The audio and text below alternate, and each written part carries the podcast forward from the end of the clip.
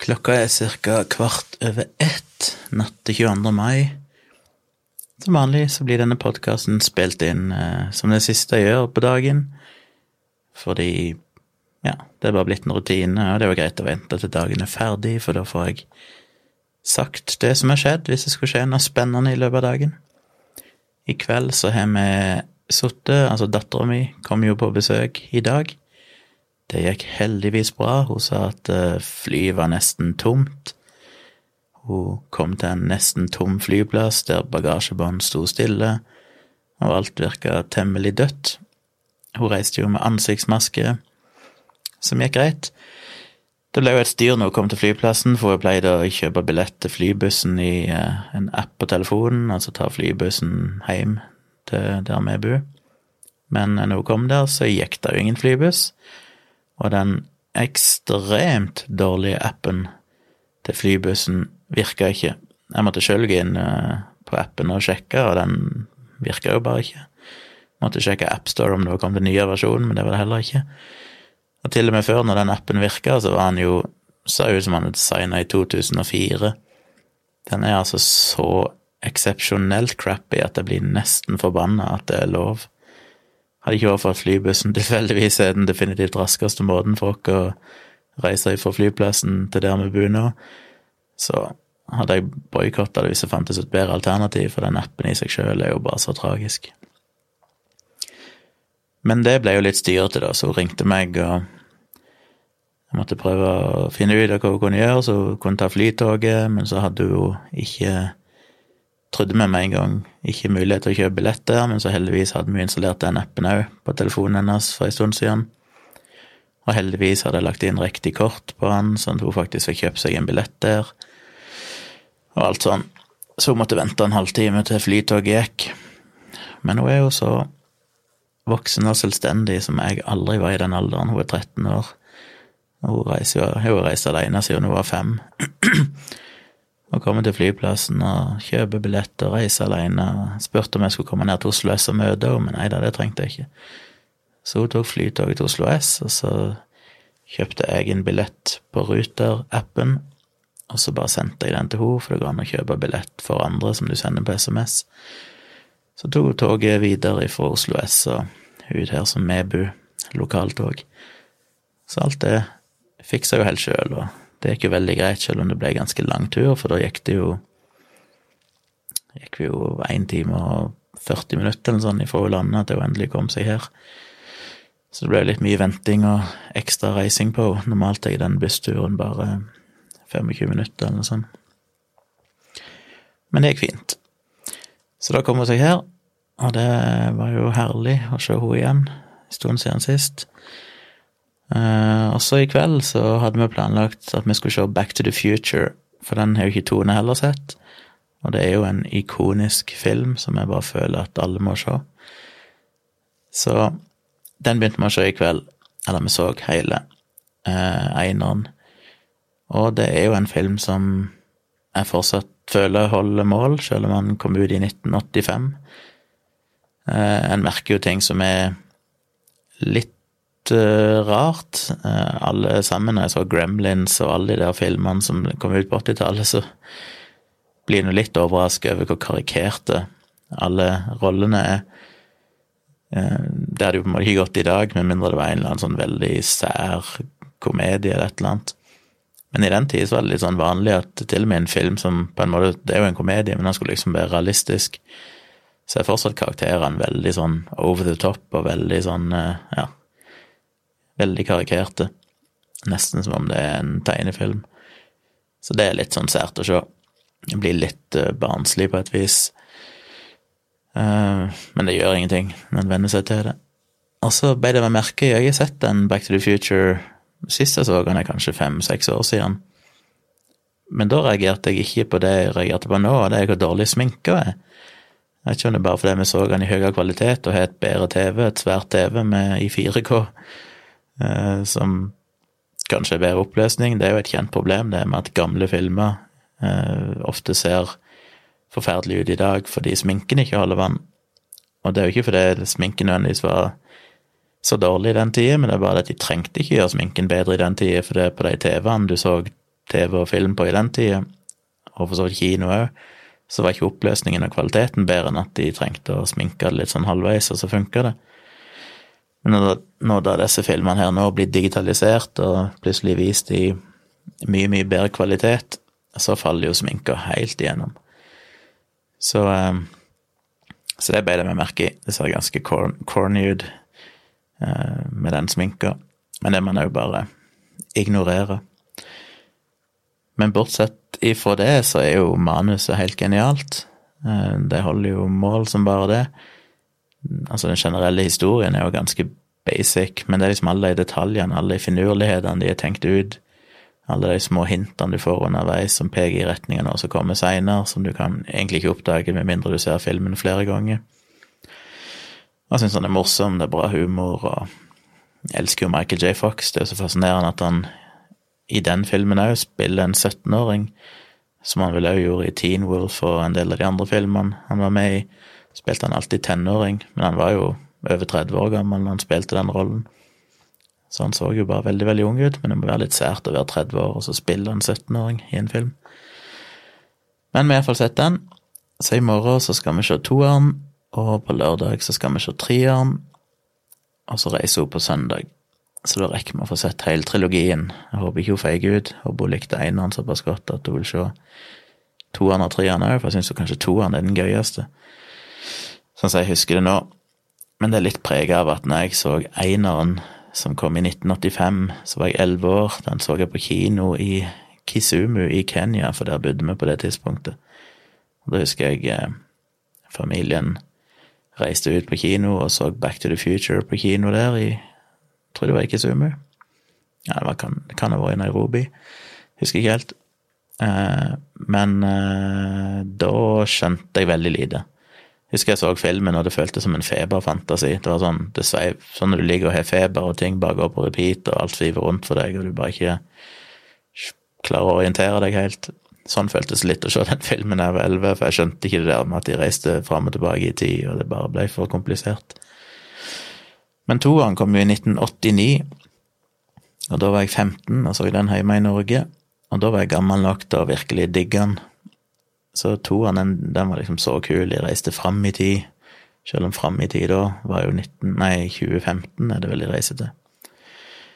Eh, eller er det 2019?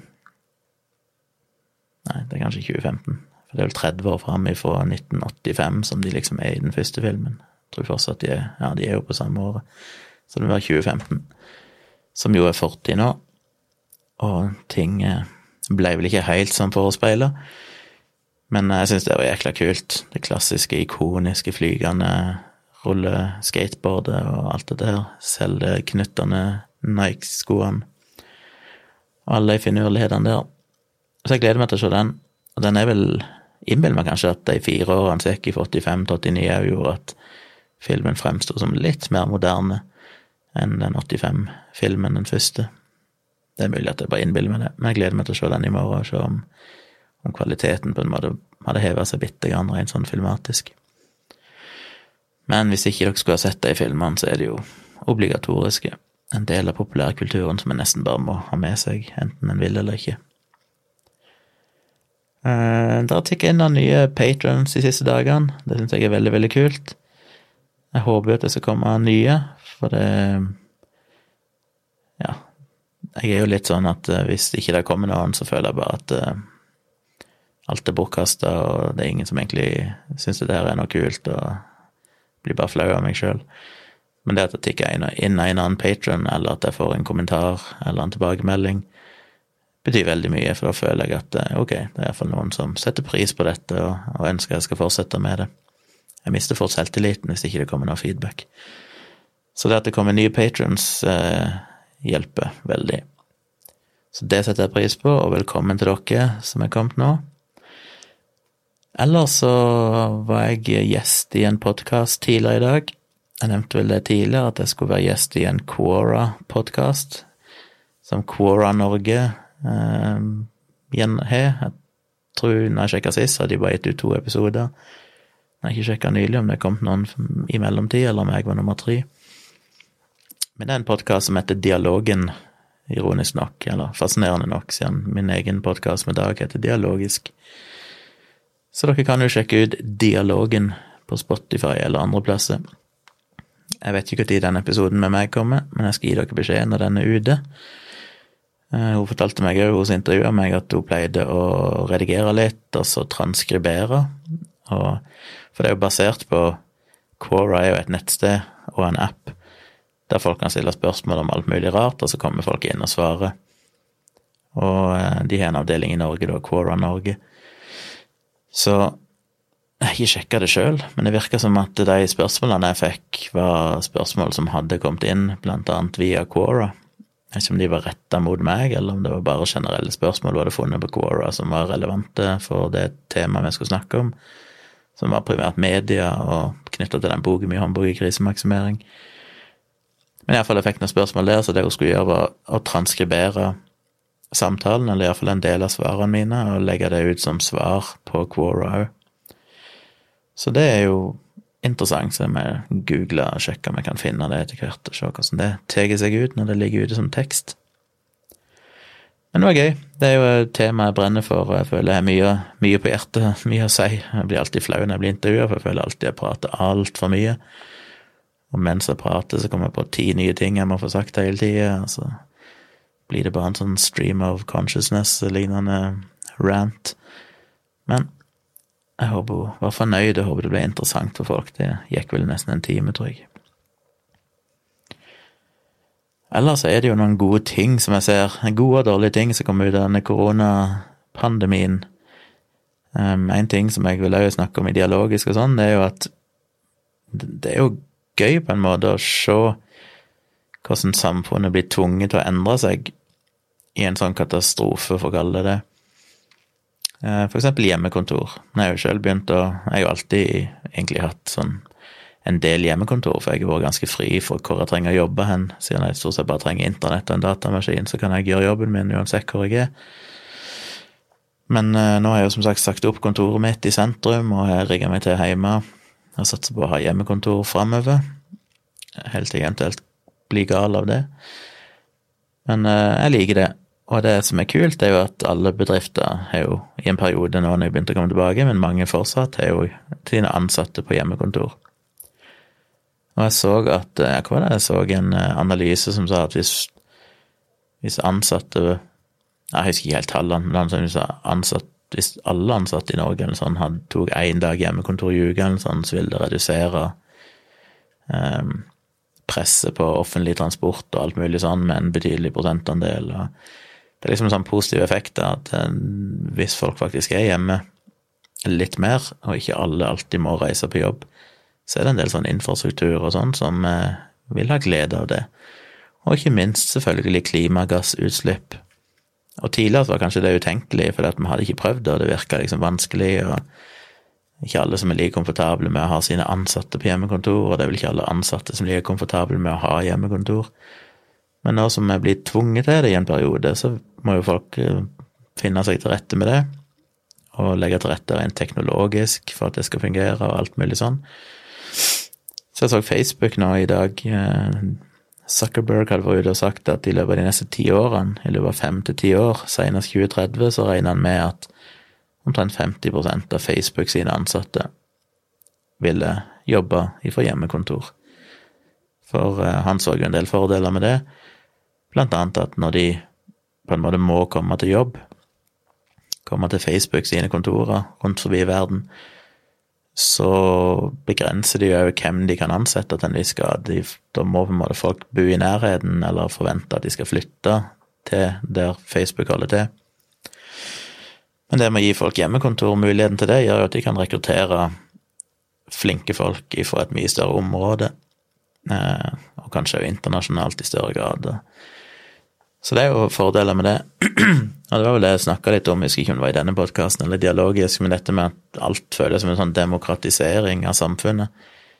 Det med at konserter og kulturarrangementer og alt mulig sånn òg går, blir streama i mye større grad, det gjør jo at folk, uansett hvor de bor hen, kan få tilgang på de samme opplevelsene. Det er ikke liksom bare sånn at hvis du bor i Oslo, så får du alle de spennende kulturelle opplevelsene, mens folk som bor i litt mer grisgrendte strøk får ikke så mye tilbud. Det er et eller annet som er fint med at når ting skjer mer på nett, så er ting mer tilgjengelig for alle. Så det er en del sånne ting jeg syns det er kult med hele greia. På negative sida så kom det jo en nyhet i dag som jeg ikke egentlig hadde tenkt på. Burde kanskje tenkt det, men uh, det var at de så nå i USA at av koronapandemien så var det ganske mange foreldre som ikke hadde vaksinert sine nyfødte eller unge barn når de egentlig skulle blitt vaksinert. Sannsynligvis fordi de ikke ønsker å reise ut, de har vært i lockdown eller hjemme. De skal sosialdistansere seg, det er ikke så lett å dra på legekontoret eller sykehuset eller der de eventuelt får vaksinen. Um, og det frykter de nå kunne gi en oppblomstring i eksempel meslinger. Så det er jo en litt sånn uventa bieffekt at uh, du får et ganske dramatisk fall i vaksinedekninga hos en del barn, iallfall i en periode. Hvis ikke når disse foreldrene får fingeren ut, og så fort de har muligheten, går ut og får vaksinert ungene sine, selv om det er litt seinere enn de burde, så er det bedre enn ingenting. Uh, så det er jo trist, hvis det nå skulle føre til at uh, ja, at denne her det at vi holder oss hjemme og er flinke med det for å begrense spredningen av eh, koronaviruset, så har det den bieffekten at folk ikke får vaksinert ungene sine, og så får du istedenfor en oppblomstring av meslinger og sånn på sikt. Så vi får håpe at det ikke blir for ille. Men det var jo en negativ konsekvens jeg ikke helt hadde sett komme. Jeg har ikke hørt om noe tilsvarende i Norge, så jeg vet ikke. Ellers så kom det jo en en trist nyhet denne uka. For de av dere som eventuelt så eh, liveinnspillinga av Dialogisk mandag kveld, så snakka jeg jo om eh, mi venninne som hadde fått lungekreft for eh, fire år siden cirka. Og når jeg fikk den beskjeden for fire år siden, så fikk jeg jo sjokket, egentlig. Det traff meg skikkelig hardt, for det Ja, som jeg sa i Dialogisk, hun er en barndomsvenninne som jeg har lekt med siden jeg liksom var tre-fire år gammel. Og var naboen min, bodde rett bare 50-100 meter under huset mitt, i samme lille i samme gata. Og vi lekte sammen alltid, og vi gikk i barnehagen sammen, og vi gikk på barneskolen sammen, og vi gikk på ungdomsskolen sammen i samme klasse, like gamle. Og hun var jo alltid et forbilde for meg, bestevenninne i store deler av den perioden. Vi hadde perioder der jeg var forelska i henne, så alltid opp til henne, hun var smart og flink i alt. så flytta hun etter niende klasse da, for å gå på videregående et annet sted på Sørlandet. Og etter hvert tok seg en, en høy akademisk utdannelse, og fant seg en mann, og har fått et par Jeg husker ikke om det var to eller tre gutter og alltid var sånn sunnhetens ideal, men så fikk hun da lungekreft sånn helt ut av det blå. Og jeg måtte jo google det med en gang og se hva er egentlig forventa overlevelse for folk med lungekreft med spredning, for hun hadde jo selvfølgelig spredning. Og da husker jeg jeg leste noe sånn at eh, Jeg husker ikke om det var to eller tre år, jeg bilder meg kanskje tre år, som var sånn Ja, det du kunne forvente stort sett å leve. Men hun fikk jo en eh, De fant jo en eh, cellegift som funka bra for henne. Som passa til hennes gentype, som gjorde at hun holdt kreftene kreften i sjakk ganske lenge, og klarte å, å ha det ganske greit. Hun visste jo at det ikke var kurativt, hun ville ikke bli frisk, men det kunne iallfall forlenge livet. Og så etter påske så ble hun plutselig fryktelig mye dårligere, for den cellegiften da plutselig slutta å ha effekt. Og da gikk det jo bare nedover, så jeg fikk jo høre det for, uh, i forrige uke, slutten av forrige uke, eller i helg, forrige helg, eller sånn, at legene hadde sagt at hun neppe hadde mer enn ei uke igjen å leve. Så jeg fortalte jo dette i dialogisk på mandag kveld, at uh, ja, en litt lengre versjon av det jeg har fortalt her, og sa at hun sannsynligvis kom til å dø i løpet av noen dager, men neste morgen da så fikk jeg beskjed om at hun hadde dødd, så da døde hun vel bare noen timer etter vi spilte inn den episoden. Og det er jeg fikk, Det var på en måte tristere å få beskjeden om at du hadde fått lungekreft, for det, det ramma meg liksom sånn helt ut av det blå. Men nå har jeg jo på en måte visst i alle årene at hun har begrensa tid, og Så derfor var det ikke sånn et sjokk når hun døde. Og jeg har jo ikke hatt noe særlig kontakt med henne på basically 30 år. Enten at jeg møtte henne en annen gang. Eh, men jeg måtte jo gå tilbake igjen nå i dag og se på meldingene vi hadde skrevet, for jeg, da ble jeg litt glad når jeg så at eh, For jeg sa det på dialogisk, at jeg hadde jo prøvd å ringe henne jeg fikk den beskjeden i 2016, og fikk ikke tak på henne. Men så utveksla vi noen meldinger. Men jeg kunne ikke helt huske hva det innebar, så i dag gikk jeg inn på Messenger og så søkte opp navnet hennes, og så fant jeg den meldingstråden og så at vi faktisk skrev en del meldinger fram og tilbake, og at jeg faktisk òg fikk sagt til henne at jeg var veldig glad i henne, og alltid betydde veldig mye for meg, og at jeg syntes det var fryktelig vanskelig at hun var, hadde havnet i den situasjonen hun hadde, og sånn, og, og vi snakka litt om, om kreften og hvordan det gikk, og så det var på en måte godt å bare se at jeg hadde i det minste ikke feiga helt ut. Jeg hadde Jeg var litt redd at jeg nesten ikke hadde skrevet noe til henne. Men som jeg sa, dialogisk så har jeg vel følt en viss anger og skam, kanskje, over at ikke jeg ikke var flinkere til å følge opp. Men igjen, vi har jo egentlig ikke hatt kontakt på 30 år, og det føltes bare litt sånn påtatt, og plutselig skal være så veldig engasjert. Men jeg fikk iallfall snakka med henne litt den gang da, og sagt hva jeg følte og mente, og iallfall visste at jeg tenkte på, og jeg har jo sendt meldinger via bror hennes, som jeg har hatt en del kontakt med, for han er en god venn av meg og bor her i Oslo. Og sendte jo melding til han, selvfølgelig, når jeg hørte både den beskjeden om at uh, hun var blitt så dårlig, og òg dagen etterpå, når jeg Eller dagen etter hun døde. En kondolanse. Så det er jo Ja. Det er jo bare jævlig Skal en si, det er alltid feil ord å bruke. Det finnes ikke noe rettferdighet eller urettferdighet i denne verden. Ting bare er som de er. Men skal en bruke et ord, så føles det jo urettferdig at uh, ja, hun og hvem som helst andre som får sånne sykdommer, eh, får de, og dør av de. Det er bare Ja, det gir jo ingen mening å kalle det urettferdig, for det er jo bare sånn naturen og verden er, men det er kjipt. Og det er utrolig vondt å tenke på at hun har unger som vokser opp uten mor si. Men holdt på si heldigvis, om det går an å si det, så har de jo hatt ganske lang tid å forberede det, og det er ganske seint, og de har nok iallfall vært gjennom en prosess som kanskje er bedre enn hvis plutselig mora dør i bilulykke eller et eller annet sånt, som er mye mer brått og uventa. Så jeg håper jo dette forholdet går bra med de, at de på en måte var til en viss grad forberedt, selv om du aldri selvfølgelig kan være helt forberedt på det. Men det var trist, og jeg eh, ja, jeg vurderte om jeg skal prøve å skrive et eller annet, noen minneord, så jeg må tenke litt på det, om jeg klarer å finne det i meg. Det hadde vært litt fint å bare fått skrevet ned noen tanker omkring oppveksten vår, og, og hva jeg så på.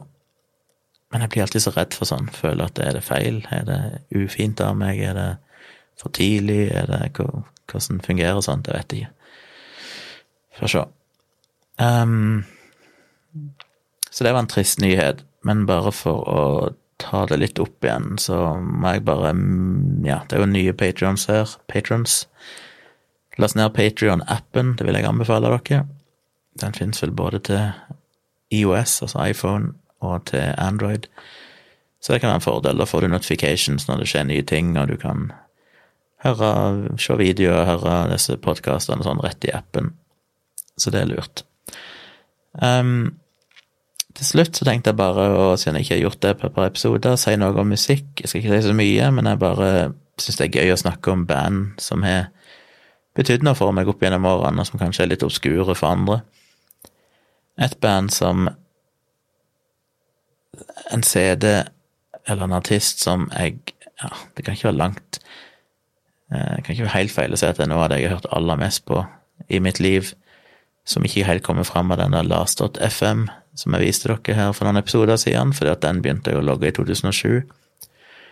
Eh, og den logger jo bare den musikken den spiller, holdt på å si, streamer eller hører digitalt på datamaskinen. Eh, dette er et band som heter Sunscream, som er, vel er britiske. Britisk elektronisk eh, musikk. Pop-pop-elektronika. Poppete elektronisk. Første gang jeg hørte de var en gang, jeg er ikke sikker, midten av 90-tallet eller noe sånt. Og husker, jeg kan ennå huske hvor jeg var. Jeg kjørte pappa sin bil, jeg tror det var en pickup jeg kjørte i den tida, eh, ifra der vi bodde. Nei, det var i byen eller et eller annet. Altså, jeg husker akkurat hvilken vei og bakke jeg kjørte på, det kan selvfølgelig være et falskt minne, mulig at det bare er konstruert i ettertid, men for meg så virker det som at jeg husker hvor jeg var, og så hadde jeg på radioen, det var sånn ett-to-tid på natta, og det gikk et eller annet program på NRK der de presenterte ny musikk. Og da hørte jeg eh, denne sangen som heter White Skies, heter den vel, som var liksom hiten i gåseøyne for dette bandet. En av hitene, iallfall. Og bare falt helt for det. Og jeg tror jeg studerte i Oslo på den tida, jeg var bare hjemme. Jeg er ganske sikker på at jeg var på Tonstad da jeg hørte det, men da jeg kom tilbake til Oslo, så kjøpte jeg CD-en og hørte på det ustanselig. Skal lenke til det. De finnes vel på Spotify, håper jeg. Um, det er noen sanger som jeg hadde som MP3-filer i sin tid som jeg ikke finner på Spotify og sånn. En av de har jeg lasta opp på Soundcloud, for dette, som er sikkert ulovlig. Men det var en remix av en av sangene deres, og den er klin umulig å få tak på. Både på CD og streaming, og jeg sjekka liksom på Amazon og alle plasser man finnes noe sted. Men nei, og da er jeg litt sånn, ok, hvis, jeg hvis den er helt umulig for meg å kjøpe noe sted, så legger jeg den ut på SoundCloud. Jeg tror ikke noen griner av den grunn. Så jeg lurer på om jeg skal lenke til den òg. Den er litt corny, da, men det var Det er en veldig 90-talls sånn uh, party en sånn transaktig sang som jeg hadde som sånn fast ritual før i tida. At på fredagen før jeg skal hjem fra jobb, så gøffa jeg på den på høyttaleren på kontoret mitt og maksa det opp og satt og hoppet i stolen og hørte på den sangen. Og den er jo så 90-talls at det er helt latterlig. Men den, den begynner ganske rolig å bygge seg opp, og så kommer det plutselig sånn skikkelig transaktig parti med noe sånn uh, syntriff og greier. Sjekk den ut. Jeg skal lenke til den ligger på SoundCloud. Hvis dere har litt 90-tallsblod i dere, så er det mulig dere setter pris på det. Men det må høres ganske høyt. Og dere må liksom høre hele, så dere får med dere oppbyggingen og, og riffene. Um, men ellers er jo det albumet, det første albumet, som jeg ikke husker ja, nei, Den heter vel Change or Die. Utrolig hva jeg husker plutselig. Change or Die heter det albumet. Og det jeg elsker med den, at det er et sammenhengende spor, egentlig. Det er vel ti sanger eller noe sånt, men alle er miksa sammen, så de henger i hop. Og det er noen sånne fantastiske, geniale vrier der liksom du har én sang som gradvis toner ut, og så går bare basstromma. Bare dunk, dunk, dunk, dunk og så går den ei stund, og så begynner det neste riffet, introen på neste sang, men da er de plutselig forskjøvet takter eh, med et slag, sånn at du plutselig i hjernen din må liksom omjustere deg helt, fordi jeg på en måte flytta hele neste sangen, sånn at den basstromma kommer på et annet slag i, i takta i neste sang enn det han gjorde i den forrige sangen. Og sånne ting setter jeg utrolig pris på. Det er bare det er bare gledelig for hjernen min når de gjør sånne litt eh, geniale små finurligheter. Så jeg skal lenke til artisten på Spotify, som jeg har pleid å gjøre. Så kan dere høre på det hvis dere vil. Jeg skal lenke til den ene sangen på eh, Soundcloud som ellers ikke fins noe sted. Uh, ja, jeg tror ikke jeg skal si noe mer om det, for å spare jeg hadde noen andre ting òg her, men det kan jeg spare til i morgen eventuelt. Så i morgen må jeg se om jeg eh, får tak i gass til grillen, som jeg kan få grilla en liten gang mens Maja er her, dattera mi. Så må jeg se om jeg kommer meg på posten og klarer å få båret hjem de her panelene, akustiske panelene. Det gruer jeg meg til. Jeg er ennå usikker på hvordan jeg skal få det til. Ja, Sats på at vi får det til på et eller annet vis. Får bare gå mange turer fram og tilbake til posten og bære de. Håper at det går greit. Tone har jo tatovert innsida av hånda si i dag. Så hele håndflata er tatovert, som visstnok er det mest smertefulle hun noensinne har gjort. Og hun driver og lager en video om det, så den kommer vel om en dag eller to. Eh, så dere kan sjekke ut på Tone Sabro inne på YouTube. Men derfor er hun litt sånn handikappa, så jeg håper jo at hun allikevel kan være med og bære, selv om den ene hånda hennes har en del smerter fortsatt. Men jeg håper det føles bedre i morgen. Så det var det. Kom gjerne med innspill og tips og spørsmål. Jeg fikk et langt spørsmål her på en melding i dag. Jeg har ikke svart på han. Jeg vet ikke om han, han som sendte den, hører på podkasten. Men det satte jeg veldig pris på, eh, så jeg skal få svart på det. Men jeg blir veldig glad når dere kommer med tips og innspill og, og spørsmål om ting. Så har jeg noe å snakke om. Ja. Så vi snakkes igjen i morgen. Eh, hvis ikke dere hører dette før da, så ønsker dere ei en god helg som kommer. Og så eh, snakkes vi. Får jeg som vanlig si eh, god natt eller eh, god morgen.